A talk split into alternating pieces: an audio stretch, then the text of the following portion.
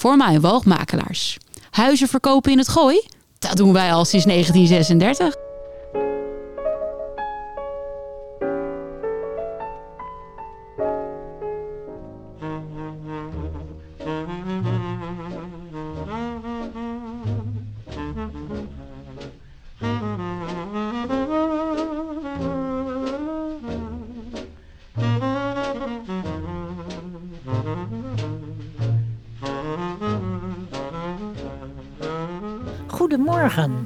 Welkom bij Praatvogels, aflevering 55.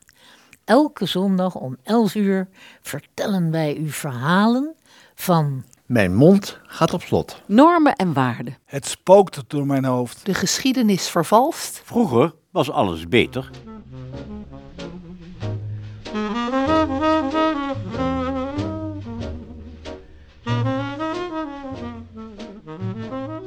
de geschiedenis heeft ons geleerd dat wij van de geschiedenis niets hebben geleerd. Mislukkingen, bedrog, vuige romantiek, nooit verrichte heldendaden. We worden er altijd weer opnieuw mee geconfronteerd. Natuurlijk zijn er integere historici, maar hun nijver speurwerk wordt overschreeuwd door populisten, valse profeten en andere geschiedenisvervalsers. En de geheime dienst van de taalpolitie is meedogenloos. Naar een theaterstuk van Sylvain Efimenko. We zien in een donkere kerker een spookachtige man die in een hoek zit te jammeren. De gevangene lijkt uit een vaal gas te bestaan waarin vlokjes zweven. Hij is bijna doorzichtig. Plotseling gaat de deur van het cachot open en wordt een tweede transparante creatuur naar binnen gesmeten. Uh, wie bent u, als ik vragen mag? Ik ben Daniel Defoe, gestorven op 24 april 1731 in Londen. En uh, u, wat doet u hier? Ik ben in dit gevang, dat ze het afvalputje van de geschiedenis noemen, een paar weken geleden beland. Ach, laat ik het kort samenvatten. Ik ben de onfortuinlijke regisseur van een film die in 1939 acht Oscars won en de succesvolste film aller tijden werd. Wat ik toen niet wist, is dat ik met Gone with the Wind een schandelijk racistische film had gemaakt, die slavernij romantiseerde. Althans, volgens de nieuwe maatstaven hè, van een groep uitslovers die aan identiteitspolitiek doen. Uh, wie zijn die extremisten eigenlijk? Nou, ze bestaan uit twee soorten. De eerste zijn blanken, die de hele dag in hun spiegel roepen dat ze zelfs in een ver verleden oerslecht zijn geweest en daarom nu moeten boeten. En de anderen zijn zwart en kijken ook in de spiegel, maar dan heel erg boos en schreeuwen dat ze voor altijd slachtoffer zullen zijn. Uh, kijk, natuurlijk was mijn film beïnvloed door het toen gangbare racisme in Hollywood. Maar mijn actrice, Hattie McDaniel, in een bijrol, werd zelfs de eerste zwarte die een Oscar kreeg. Mijn film is nu door de bioscoop, na een onafgebroken vertoning van 34 jaar, uit de roulatie gehaald. Weet u waar ik nu bang voor ben? Dat ze ook mijn andere kaskraker, The Wizard of Oz, door de play trekken. Omdat de heksen in die film niet genderneutraal zouden zijn. Maar u, eh, meneer Defoe, ik las ooit uw prachtige boek Robinson Crusoe. Niets op aan te merken, toch? Nou, toch wel. Zelfs in het hiernamaals krijg ik dreigmails doorgestuurd. Ik zou de inheemse bevolking op mijn verzonnen eiland zwaar discrimineren door ze als wilde kannibalen te hebben neergezet. En omdat Robinson zijn nieuwe vriend Vrijdag Engels leert en wat beschaving probeert bij te brengen, wordt hij nu als een witte supremacist gezien, die de inboorlingen onderdrukte. Mijn hoofdpersonage werd zelfs als prototype van een vrede kolonisatie neergezet. Hij zou 28 jaar lang zonder toestemming op een onbewoond eiland hebben verbleven dat hij zichzelf illegaal had toegeëigend. Op dat moment is een waar kabaal te horen achter de zware eiken deur van de kerker, die ruw wordt opengegooid. Een derde transparant spook, maar dan met een snorretje, wordt hardhandig naar binnen gewerkt. Hij kijkt de twee andere ectoplasma's verbaasd aan en zegt: Walt Disney, ik ben de maker van Sneeuwwitje. Maar u bent die beroemde kindervriend die de wereld die getekende bewegende beelden heeft geschonken. Ik heb u gekend ooit, geloof ik. Bij een Oscar-uitreiking. Of was het eh, niet uitgerekend die van 1939, waar ik mijn eh, acht beeldjes binnenhaalde met eh Gone with the Wind? Exact. Ik kreeg bij diezelfde gelegenheid een Oscar voor mijn tekenfilm Sneeuwwitje en de Zeven Dwergen. Wel elkaar nog de hand geschud. Weet u dat ik in mijn hele leven in totaal 26 Oscars heb gewonnen? Hoewel dit ver na mijn tijd is, kan ik me indenken dat het een geweldige prestatie is. Maar wat doet u hier, uw gelauwerde artiest? In dit infame kastjot waar illusies verloren gaan en reputaties worden vernietigd. Ha, heren. Hm. Ik ben hardhandig, onverwacht naar het afvoerputje van de geschiedenis gedirigeerd. Ik kreeg natuurlijk eerst de hele woke-meute achter mijn broek. En vervolgens de volgzame recensenten die als de dood waren om uit de correcte pas te lopen. En ook nog een paar universiteitsprofessoren als de Japanner Kazue Mua uit Osaka. En dit allemaal vanwege mijn sneeuwwitje. Ja, wij weten er alles van hoor, helaas. Maar uw personages waren toch zo lief en onschuldig? Ja, ooit misschien weer. Maar nu zijn ze door de tijdgeest ingehaald en gebrandmerkt. Weet u nog die scène waarin mijn jonge heldin door een prins wordt wakker gekust? De recensenten vonden dat zoiets niet meer kon. Dat kinderen hier gewelddadig van zouden kunnen worden.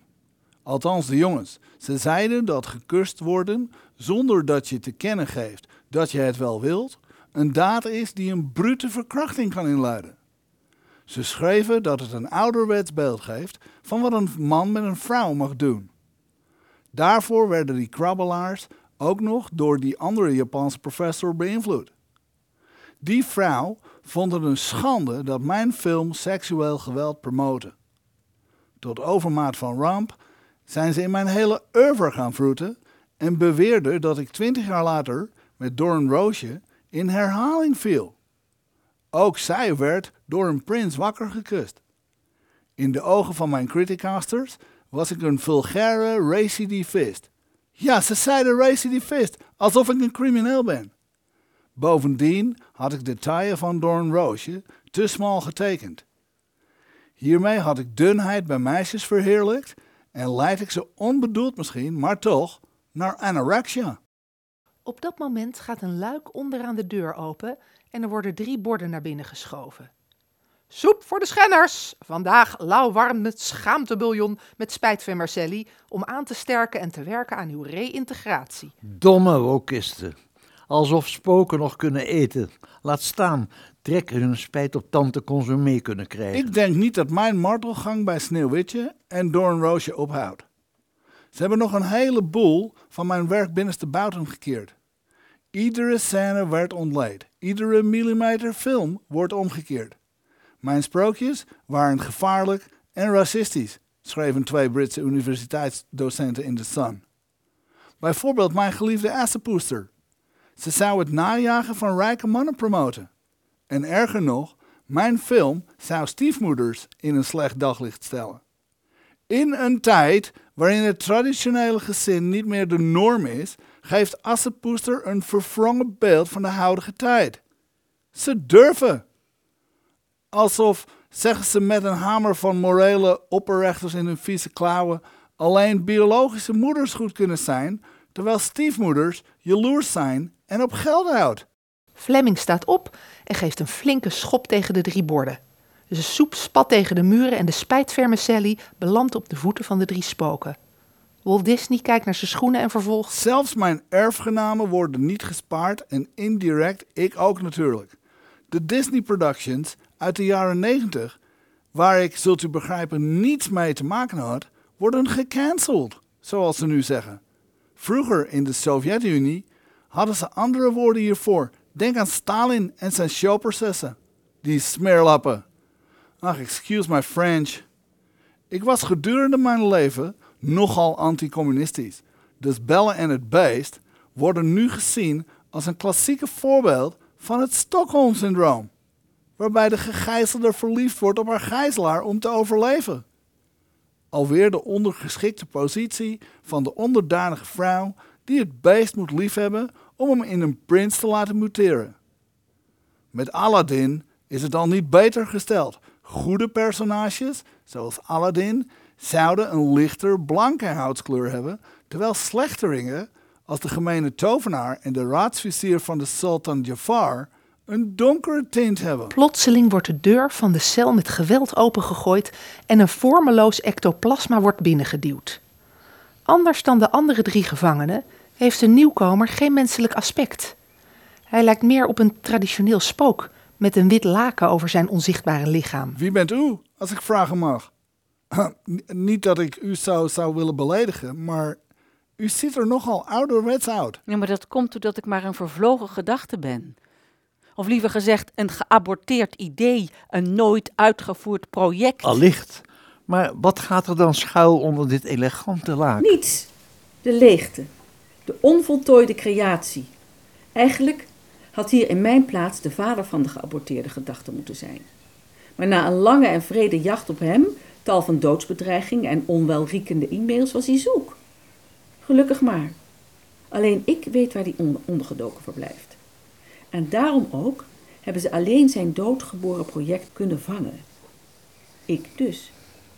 En toen hebben ze dit laken over mij heen gesmeten om het project aan het zicht van het publiek te onttrekken. Ik had een prachtige uitvoering hiervan kunnen zijn. In grote zalen met veel toeschouwers. En het heeft niet zo mogen zijn. Oh, wat origineel. En erg tegelijk. Vertel op. Nou ja, de bedenker van het project, eh, laat ik hem vanaf nu vader noemen. Hè? Want alleen al het noemen van zijn echte naam kan ons in problemen brengen. Vader dus eh, is een verwoede antiracist. Altijd geweest, van jongs af aan. Een militant van compromisloze inclusiviteit in het artistieke milieu. Hij regisseerde tal van prachtige voorstellingen, theaterstukken, musicals en zelfs twee documentaires die discriminatie op grond van ras aan de kaak stellen. Een held! Maar hij werd bitter en bitterder en hij voelde zich niet gehoord. Hij vond dat witte overheersers uit vroegere tijden koloniale afpersers van het zwarte vlees nu de permanente boetedoeners van de toekomst moesten worden. Voor de eeuwigheid zelfs, ja. Ze moesten bloeden voor hun zonde. In een universele bubbel van verontschuldigingen moesten ze vegeteren. Excuses, nog eens excuses. Voor de slavernij, het kolonialisme, de slechte lonen, de politiekogels. Ik moet eerlijk bekennen dat het allemaal niet echt speelde in mijn tijd. En hoe dacht hij dit bewustwordingsproces te realiseren, die vader van u? Nou, hij had een geniaal idee. Het grote project.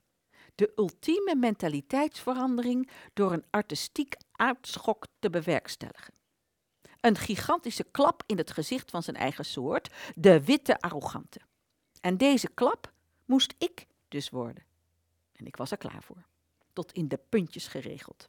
Vader bedacht een enorm spektakel in de open lucht. Met duizenden acteurs en figuranten. Een mega-schouwspel over slavernij. Concreet tastbaar en zo schokkend dat het de toeschouwers zal helpen beseffen wat voor misdaad hun voorouders hadden begaan. Kortom, de slavernij waar de tot slaaf gemaakte plots de slavendrijvers mochten spelen. Terwijl al die witte bourgeois uit de plantages de slaven waren geworden. En vader zei: Nu kunnen ze er niet omheen. Laat ze maar voelen hoe het was om geketend te worden. Uncle John in zijn hut in plaats van oom Tom. Om het kort te zeggen. Was ik er maar op gekomen. Wat een cashflow. Geniaal. Helaas niet. Vader organiseerde een grote persconferentie om zijn aanstaande project wereldkundig te maken en dat werd een hel. Er werd geschreeuwd en gebruld dat hij op het punt stond de grootste misdaad ooit te willen plegen. Rellen in Hollywood tot diep in de nacht, winkels geplunderd, auto's in brand gestoken. Vader werd ervan beschuldigd dat hij de slachtoffers, die vooral slachtoffers willen blijven, bezig was te ontmenselijken. Hij zou hun eeuwige status van getroffenen willen afpakken door ze als slavendrijvers voor te stellen. En hiermee zou verondersteld worden dat ook zwarte, net als witte, in staat zouden zijn dergelijke monsterlijke misdaden te plegen. En door witte mensen in de rollen van slaven te verplaatsen, zou de slavernij worden gebagatelliseerd.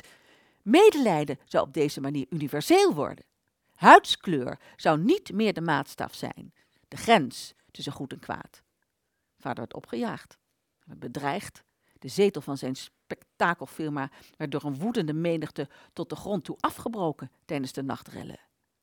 Zijn artistieke carrière kwam ten einde en hij vluchtte. En ik kan alleen verklappen dat hij momenteel in een hol leeft. In een diepe put, verscholen achter een luik. Ja, ik, ik moet ongeveer denken aan het hol waar Saddam Hussein ooit werd aangetroffen. Het gaat van kwaad tot erger. Hij in een hol en u onder dit laken? Men hoort wat rumoer achter de cachotdeur. Deze gaat open en er stapt een nieuwkomer de cel binnen. Met een aarzelende tred en zichtbaar verbaasd bij het zien van de drie medegevangenen. Ook de vier spoken lijken verrast, want hier staat een heuse sterveling voor hen. Een man van vlees en bloed. Hij ziet er relatief jong uit, met zijn zwarte heel wilderige haardos. Hij draagt een donkerblauw pak en een lichte stropdas. Spoken.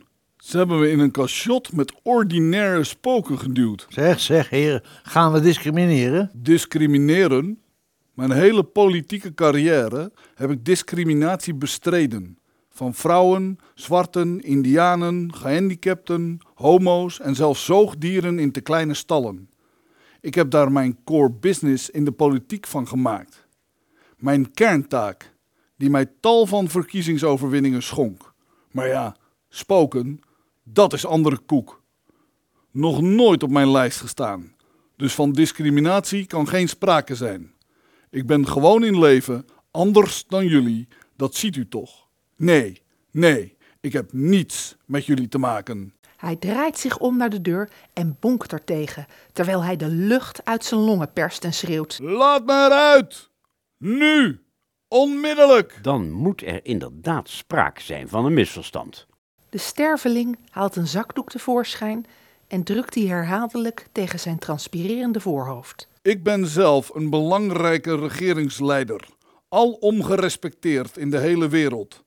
Onlangs ben ik in een antiracistische demonstratie op de knie gegaan, drie keer zelfs.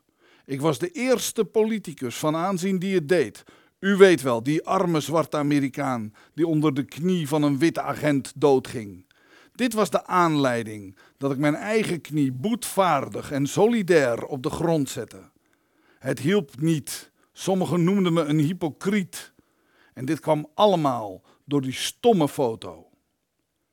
Foto? Bent u dan een kunstenaar? Een fotograaf? Nee, een foto met mij erop. Die kwam per toeval bovendrijven. Ja, ik stond erop, maar ik was piepjong, maar 29 jaar. Die foto was ook nog eens 20 jaar oud. Die werd op een privéschool genomen waar ik les gaf. Ik weet me nog te herinneren dat er een themafeest was die dag op school. Iets van Arabian Nights. Nou, maar zo erg is dat toch niet? De sterveling valt nu stil, schudt zijn hoofd en loopt naar de houten bank die met twee zware kettingen aan de muur vaststaat. Hij laat zich erop vallen. Toch wel, want op dat kiekje zag men dat ik gesminkt was, gekleed als Aladdin, maar met een zwarte verf ges gesminkt gezicht. Iedereen viel over mij heen, blackface. Ik heb tegen de pers gezegd dat ik toen beter had moeten weten, maar ja, ik deed het toch. Het spijt me ten zeerste. Ik heb duizend keer mijn excuus aangeboden. Ik dacht, het waait wel over. Maar zie, nu zit ik in een cachot met spoken opgescheept. Maar ik pik het De niet. spoken schudden vol medeleven hun hoofd, terwijl de sterveling naar de deur rent, er tegen bonkt en schreeuwt: Laat me eruit, verdomme. Ik ben de premier van Canada. Ik ben Justin Trudeau. De woke-revolutie eet zijn eigen kinderen op. Het gordijn wordt neergehaald, terwijl steeds het gebonk tegen de deur hoorbaar is. Langzaam sterft de stem van de sterveling uit. Laat me gaan. Ik ben de premier. Justin Trudeau.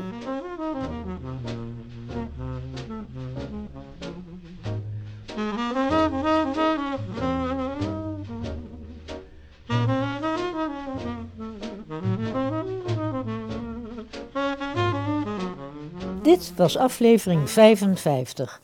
Vandaag hoorde u de praatvogels Wiebe van Dijk, Corien van der Walbaken, Marco Beemsterboer, Chantal Boon en Michiel van Zeggelen. En mijn naam is Hansje Terlingen.